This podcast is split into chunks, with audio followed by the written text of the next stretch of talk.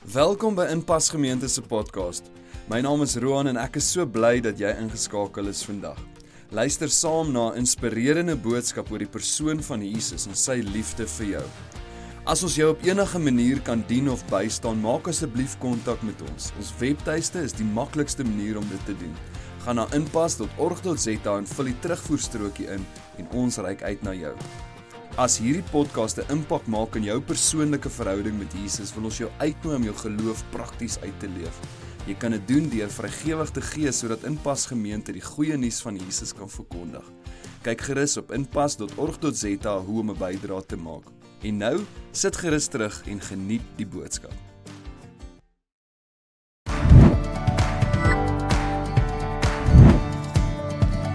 Hartlik welkom by deel 6 van ons reeks 40 dae van goeie nuus en hierdie is die laaste week van ons 40 dae reeks van goeie nuus.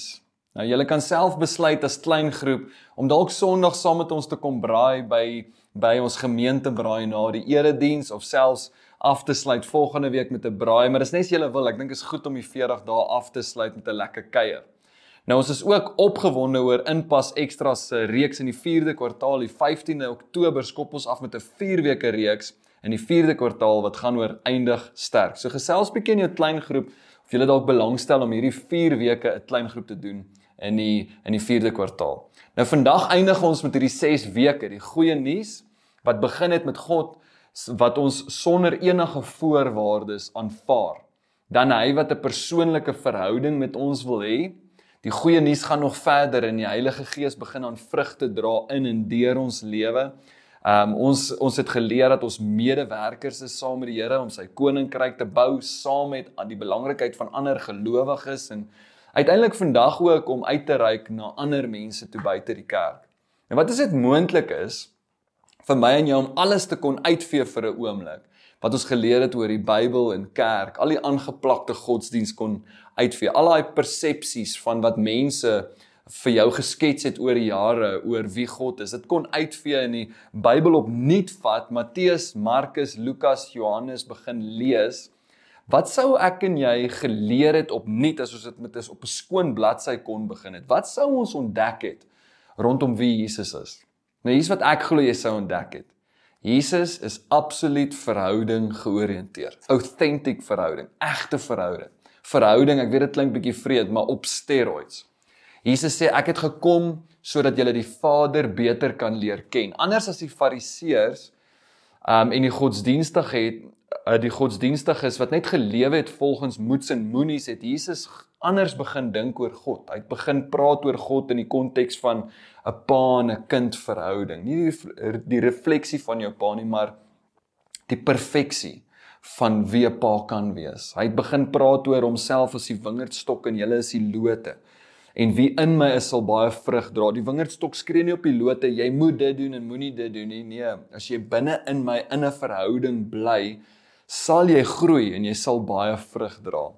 Nou as ons benadering tot God enigiets anders is as verhouding, nê, nee, hierdie godsdienstigheid van ons se samestelling net is van moets en moenies, dan kan ons so maklik uitmis op iets moois en spesiaal.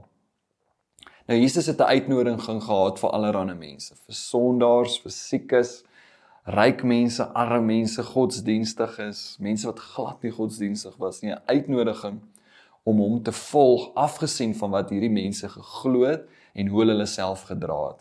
Nou ek wil jou vat na een van hierdie eerste verhale toe waar Jesus iemand uitnooi om te volg. En dis hierdie tipe verhale wat my so opgewonde maak oor wie Jesus was. Nou ons begin hierdie verhaal eers aan die einde van die ou se storie en dan gaan ons teruggaan na die begin toe waar dit alles begin het en is Matteus wat skryf oor homself in die derde persoon. Nou dit eindig so Matteus 18 vers 19 wat Jesus sê vir hulle: gaan dan heen en maak disippels van al die nasies. Nou toe Jesus hierdie vir hulle sê, dink ek Matteus het toe teruggegaan onmiddellik na waar dit alles begin het. En dit begin vir hom in Matteus 9 waar hy die storie vertel, sy eie storie vertel in die derde persoon. Dit sê so: Terwyl Jesus verder daarvan aangaan, het hy 'n man met die naam Matteus by die tolhuis sien sit. Nou 'n tolhuis, hy was 'n tollenaar gewees. Nou in vandag se terme kan jy 'n tollenaar vergelyk met die 22-jarige ouetjie wat wat dwelms verkoop aan hoërskoolkinders daar in die parkie. Dis hoe mense gevoel het oor tollenaars. Dis die emosie as jy gedink het aan 'n tollenaar. Dit was hierdie Jode wat belasting ingesamel het vir Rome. Hulle was verraaiers geweest. Hulle het hulle eie volk verraai. Tollenaars was soos 'n syndikaat.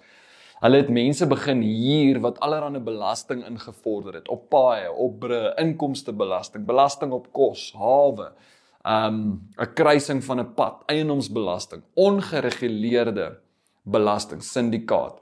Hulle was verraaiers wat geld eintlik maar gesteel het. Dan sê Jesus iets wat Matteus nooit sal verwag het nie. Sê so, terwyl Jesus daarvan af verder gegaan het, het hy 'n man met die naam Matteus by die tolhuis sien sit en vir hom gesê: "Volg my."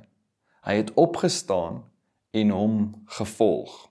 Hy het opgestaan en hom gevolg. Luister, dit kan nie so eenvoudig wees nie. Daar was altyd hierdie gro groep godsdienstiges wat hom dopgehou het. Wanneer 'n rabbi in daai tyd vir iemand gesê het volg my, 'n rabbi wat sê volg my, dis 'n dis 'n formele uitnodiging. Dis nie net sommer luister volg my gou koffie toe, ons gaan koop gou 'n koeldrank nie. Was 'n uitnodiging om deel te word van Jesus se binnekring. Jesus wat eintlik vir hom sê ek wil met jou assosieer, met jou identifiseer en ek wil hê jy moet met my begin identifiseer en assosieer. Dan verwag enige Christen Jesus sal sê, maar luister, jy moet net eers bereid wees om op te hou vloek, op te hou rook, op te hou met daai slegte gewoonte, dan kan jy my volg, nê? Nee, dis wat ons dink.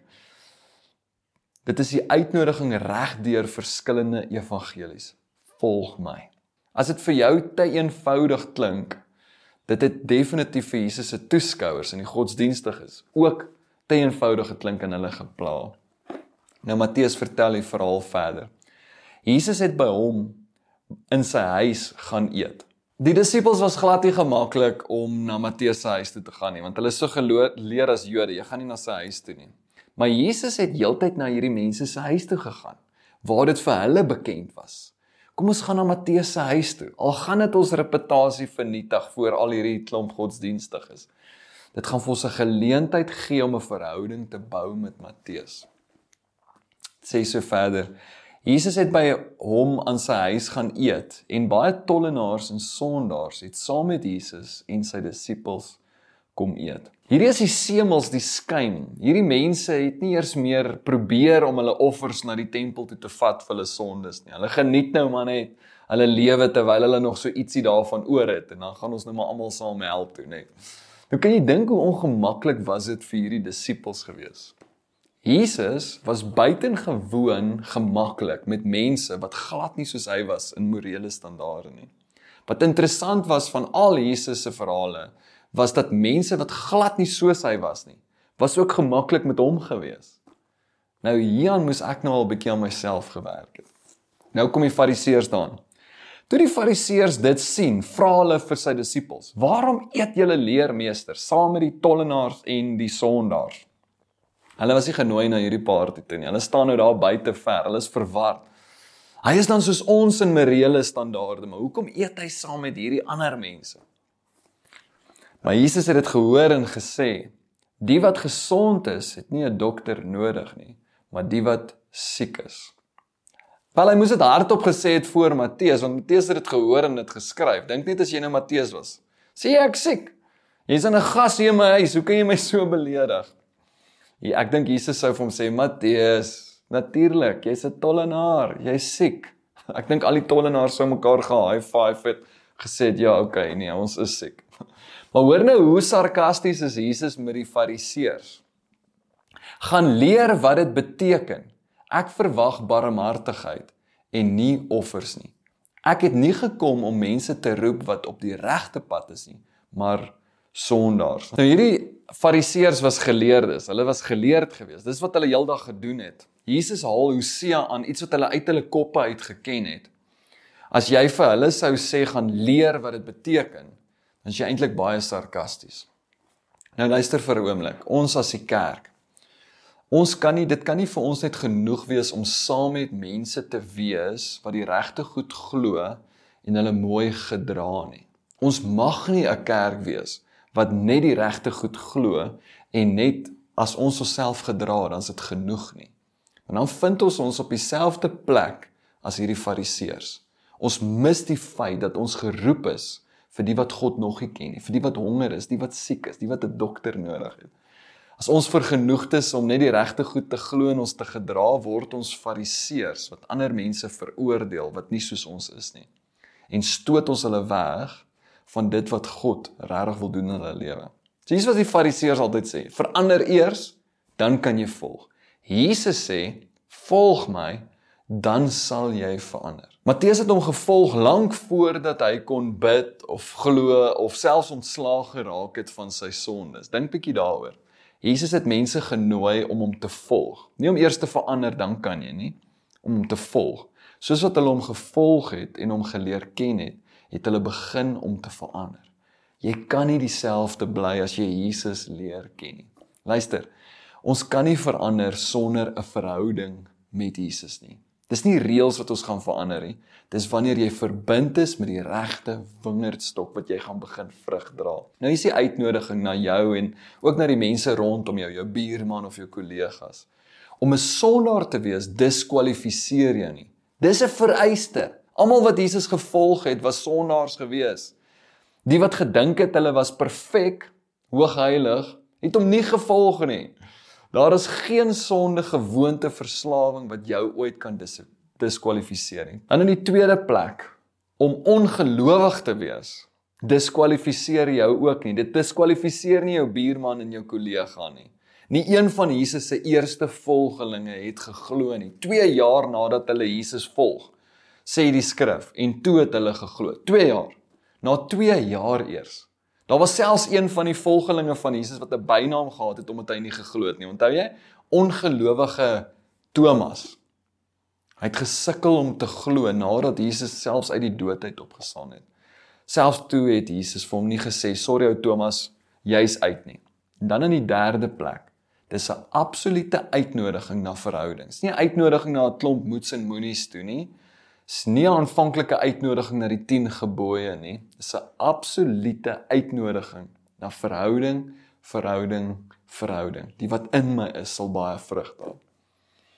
Nou wanneer ons ons wêreld wil voorstel aan Jesus, is dit 'n uitnodiging na mense wat sonde in hulle lewe het, wat nie glo nie, maar dis 'n uitnodiging na absolute verhouding met Jesus. Onthou die Fariseërs se uitnodiging in die wêreld was: verander eers, dan kan jy volg.